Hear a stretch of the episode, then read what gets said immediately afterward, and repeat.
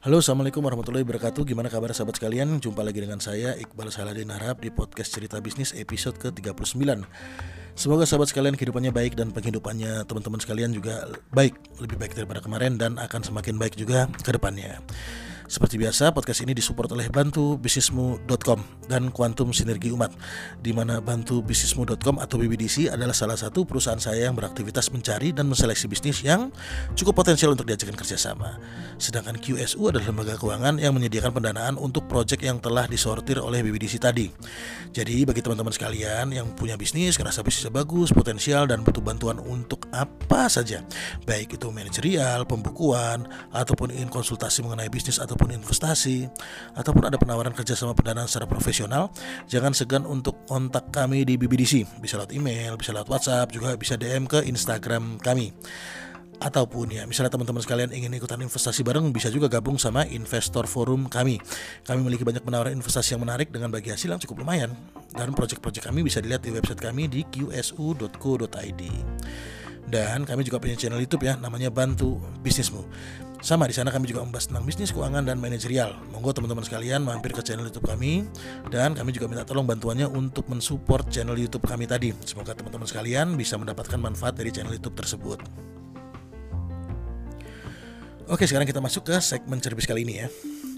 Jadi cerita mengenai bisnis dan keuangan rasanya kok nggak pernah kehabisan bahan ya. Karena ya memang uh, mungkin tiap hari uh, memang kegiatan saya itu bertemu dengan banyak orang, terutama uh, para pelaku bisnis, baik itu sahabat maupun orang yang uh, orang baru lah ya, bukan orang yang baru saya kenal sebelumnya, dan mereka ingin berdiskusi mengenai bisnis ataupun tentang keuangan.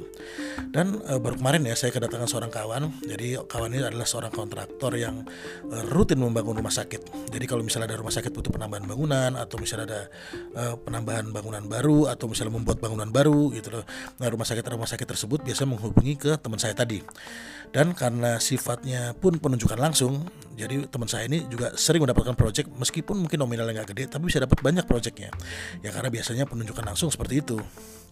Nah kembali ke teman saya tadi nih ya. Jadi teman saya itu uh, dari Surabaya uh, ngontak saya dan uh, nyamperin saya ke rumah gitu dong. Datang ke Malang langsung ngajakin kongko. Jadi kebetulan uh, dia punya mobil baru ya. Jadi saya tuh diajakin naik mobil barunya yang mentereng Fortuner uh, baru uh, varian teratas ya warna putih. Harganya ya kurang lebih sekitar 500 jutaan lah akhirnya di tempat kongko ya tadi kita ngobrol lah ya jadi panjang lebar. Uh, cerita mengenai apa saja baik itu politik sosial ekonomi wah pokoknya tingkat tinggi lah pembicaraannya. Kita bicara layaknya seperti ahli ketemu ahli. Nah, di sela obrolan tadi uh, dia bertanya kepada saya, "Bro, gimana bisnismu?" Jadi dia nanya, "Gimana sih bisnis saya?" Uh, bisnis saya gitu ya. Uh, apakah uh, baik baik-baik saja? Apakah ada kendala selama pandemi ini? Dan saya jawab itu loh ya alhamdulillah bagus lah. Ya alhamdulillah lah mampu bertahan di kondisi pandemi seperti ini terus dia juga nanya e, bro mobilmu kok belum ganti? Kayaknya udah lama mobil itu uh, kamu pakai ya kok nggak ganti-ganti sih? Dan saya jawab ya ngapain juga sih ganti mobil uang mobil saya ini masih cukup bagus kok. Lalu kemudian teman saya itu menjelaskan bahwa menurut dia ya mobil itu adalah lambang kesuksesan kita. Wah gitu. Bahwa nggak jarang orang yang memandang kita dari penampilan kita bahwa first impression itu mempunyai andil yang cukup menentukan. Secara nggak langsung ya ketika kamu berbisnis dengan orang lain, maka tentunya kamu akan melihat dulu kepantasannya. Misal ketika ngomongin proyek miliaran rupiah gitu ya, tapi yang kamu ajak ngomong itu misalnya orang yang baru kamu kenal, kamu nggak tahu latar belakang gimana, bajunya biasa, naik motor, nggak pakai barang yang eh, branded sekalipun di badannya lah. Pasti tentunya kamu akan berpikir bro, ngomongin miliaran tapi kok eh, nggak mencerminkan orang yang punya uang miliaran itu. Nah ini pendapat teman saya tadi ya. Saya pikir ya mungkin ada benarnya juga ya ada aturan ter yang tidak tertulis mungkin ya di dunia bisnis secara umum. Dan memang umumnya memang seperti itu. Jadi uh, judge book uh, by its cover. Uh, padahal kan ya seperti itulah. Padahal kita belum tentu orang itu seperti itu loh. Cuman ya memang kayaknya memang orang orang-orang kita ya orang Indonesia suka memandang seperti itu. Bukan bukan orang Indonesia aja mungkin orang-orang secara umum di dunia mungkin ya seperti itu. Memandang dulu first impression itu seperti apa. Seperti misalnya teman ini ya, misal dia mau urusan nama rumah sakit, mau mengerjakan renovasi bangunan misalnya senilai 3 miliar gitu ya, misalnya ya. Terus teman ini datang naik motor. Belum tentu juga pihak rumah sakit percaya gitu loh sama dia. Ini orang mau mengerjakan bangunan 3 miliar datang naik motor. Dan tentunya ya lain cerita lagi kalau misalnya kita sudah dikenal sama uh, banyak orang sebagai orang sukses. Mau pakai baju apa pun barang apa pun sih bebas gitu seperti misalnya ya kayak almarhum Bob Sadino. Ke mana-mana misalnya pakai celana pendek ya mah bebas-bebas aja. Orang udah tahu dia orang sukses. Contoh misalnya lagi ya Sandiaga Uno. Seperti kapan waktu itu saya ngeliat di acaranya Deddy Corbuzier gitu ya eh, Sandiaga datang hanya naik Nissan Livina kalau nggak salah ya tapi meskipun dia naik Nissan Livina hampir semua orang tahu siapa itu Sandiaga Uno mau dia jalan kaki pun orang pun tahu siapa itu Sandiaga Uno dan sekali lagi ya, mungkin yang disampaikan teman ini ada benarnya. Nggak jarang juga kita ya untuk menarik perhatian lain, misalnya butuh sesuatu sebagai uh, penunjang omongan kita gitu loh. Bisa jadi ini hanya untuk tahap awal saja. Nanti kalau misalnya orang-orang itu sudah kenal siapa kita, mereka sudah tahu kualitas kita, baru nggak nggak apa sih kita mau jadi diri sendiri. Seperti contoh lain ya, ada seorang teman juga ya, ketika mau bertemu dengan klien misalnya yang kelasnya kakap, dia itu sampai niat tuh teman-teman nyewa mobil biar kelihatan lebih keren gitu loh.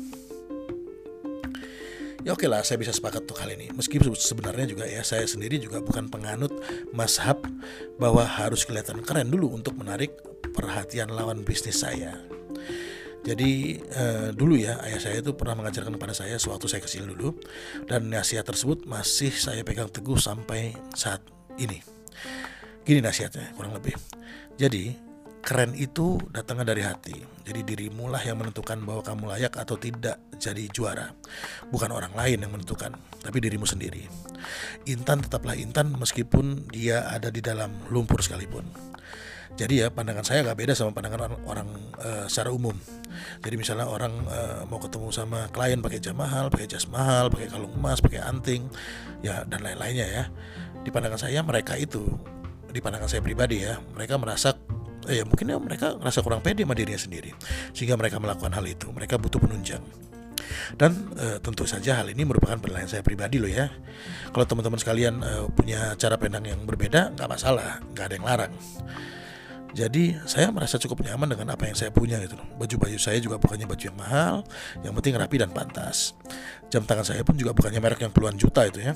E, yang penting e, bisalah untuk melihat waktu gitu loh. Untuk kendaraan pun saya juga lebih suka uh, beli kendaraan second yang umurnya mungkin sudah lima tahunan. Karena biasanya mobil yang sudah lima tahun nilainya tinggal ya sekitar 65% lah dan teknologinya pun masih sama ketinggalan. Jadi kalau misalnya uh, saya beli mobil baru ya yang harganya 500 juta dan kalau perbandingannya saya beli mobil yang umurnya sudah lima tahun harganya kurang lebih tinggal 325 juta rupiah dengan teknologi yang sama. Ya mungkin ada bedanya dikit lah ya, tapi yang nggak signifikan banget lah ya. Dan Anda bisa berhemat 175 juta rupiah, kan lumayan. Dan untuk saya pribadi ya, kalau memang saya belum mampu, lebih baik uh, saya tidak beli dulu dan saya tidak ngutang. Ya nggak semuanya juga ya nggak boleh ngutang. Saya akan memilih untuk berhutang ketika hutang ini ya, misalnya akan menghasilkan sesuatu yang lebih baik daripada saya tidak berhutang. Maksudnya gini, kalau misalnya ya uh, saya mau beli rumah seharga 500 juta dan uh, saya nggak mampu beli cash dan mampunya beli nyicil. Nah, perlu kita lihat dulu hitungannya gimana. Dan ini di depan saya sudah saya siapkan ya kalkulator KPR. Nah, ini kita masukkan dulu datanya. Jadi misalnya kita mau beli rumah seharga 500 juta, DP-nya sebesar 150 juta dan margin bank senilai 7% per tahun dan rencananya akan lunas dalam tempo lima tahun, maka cicilan yang perlu kita keluarkan sebulannya kurang lebih di sini e, tertulis sebesar 6,9 juta rupiah.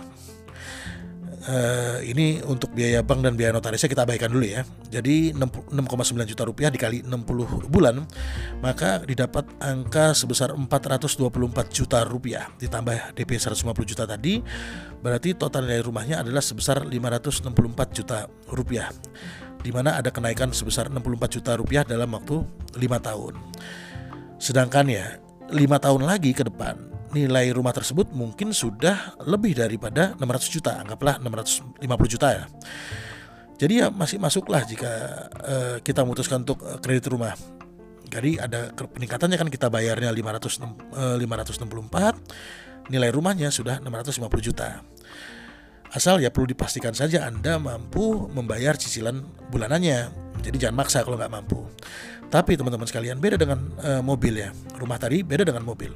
Kalau misalnya Anda memutuskan untuk beli mobil, maka mobil uh, itu akan kena apa yang namanya depresiasi atau apa ya bisa dibilangnya penurunan nilai gitu loh. Nah, contohnya penurunan nilai itu kayak gimana contohnya? Nah, contoh sederhananya kayak gini. Misalnya ya, Anda beli es krim seharga ribu rupiah dan es krimnya itu e, baru Anda jilat dikit lah. Kemudian 5 menit kemudian ya Anda mencoba menjual es krim tersebut senilai ribu rupiah juga baru 5 menit nih. Laku nggak kira-kira? belum tentu ada yang mau teman-teman. Nah mungkin saja ya ada yang mau dan menawar es krim tersebut seharga seribu rupiah. Maka dalam lima menit nilai es krim tersebut sudah susut sembilan ribu rupiah. Dari sepuluh ribu jadi seribu rupiah. Nah itu yang namanya depresiasi. Kita kembali ke mobil ya. Kita kalau mau beli mobil baru ya, anggaplah disamakan kayak rumah tadi ya, seharga 500 juta. DP 150 juta 30 persennya dan akan kita cicil selama lima tahun juga sama kayak rumah tadi ya. Nah di depan saya juga di sini sudah saya siapkan uh, simulasi kredit dari finance untuk mobil dan langsung kita masukkan angkanya. Jadi uh, beli mobil baru seharga uh, seharga 500 juta, DP-nya 150 juta dan cicilan selama 60 bulan. Dan sebentar keluar lagi nih. Jadi total DP-nya itu anggaplah sama 150 juta Cicilannya adalah 8, 8 juta 124 eh, ribu rupiah sebulannya. Jadi dengan cicilan sebesar itu dikalikan 60 maka cicilan selama 5 tahun sebesar 493 juta ditambah DP 150 juta jadi kalau mau beli mobil seharga 500 juta yang Anda bayarkan itu adalah sebesar 643 juta rupiah. Jadi Anda membeli mobil uh, senilai 643 juta rupiah dan lima tahun lagi ya ketika Anda mau jual mobil Anda nilainya tinggal 325 juta rupiah. Jadi begitu mobil itu lunas ketika Anda langsung mau jual nilainya tinggal 325 juta rupiah. Ada selisih sebesar 318 juta rupiah yang nguap gitu aja entah ke mana. Ya, jadi paham ya kenapa saya kurang begitu suka membeli mobil baru. Kembali eh, ke cerita utama di mana saya dan teman saya tadi ini uh, kongkow sambil diskusi. Akhirnya hari sudah menjelang asar dan dia harus segera pulang ke Surabaya. Jadi kami mengakhiri pertemuan kali itu dengan janji akan bertemu lagi lah di lain kesempatan. Kalau eh, saya ke Surabaya saya kontak dia, kalau dia ke Malang lagi ya dia akan kontak saya. Dan sekali lagi saya nggak banyak membantah pandangannya tentang first impression tadi. Ya mungkin ada benarnya juga gitu loh. Namun saya tetap memilih ya seperti inilah. Saya lebih suka seperti ini. Dan uh, teman-teman saya serta mitra bisnis saya juga sudah tahu saya seperti apa. Kalaupun misalnya mereka ingin memperkenalkan saya kepada mitra bisnis yang lain maka sebelumnya tentunya mereka sudah menjelaskan kepada mereka kepada mitra bisnis mereka tentunya uh, tentang siapa saya dan bagaimana kualitas saya.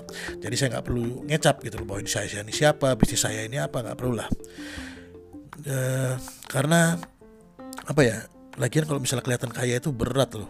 Serius Misalnya gini ya, ketika jalan di perumahan kita rusak, kita tinggal di perumahan dan jalanan di perumahan itu rusak, maka besar kemungkinan kita duluan yang dimintain sumbangan.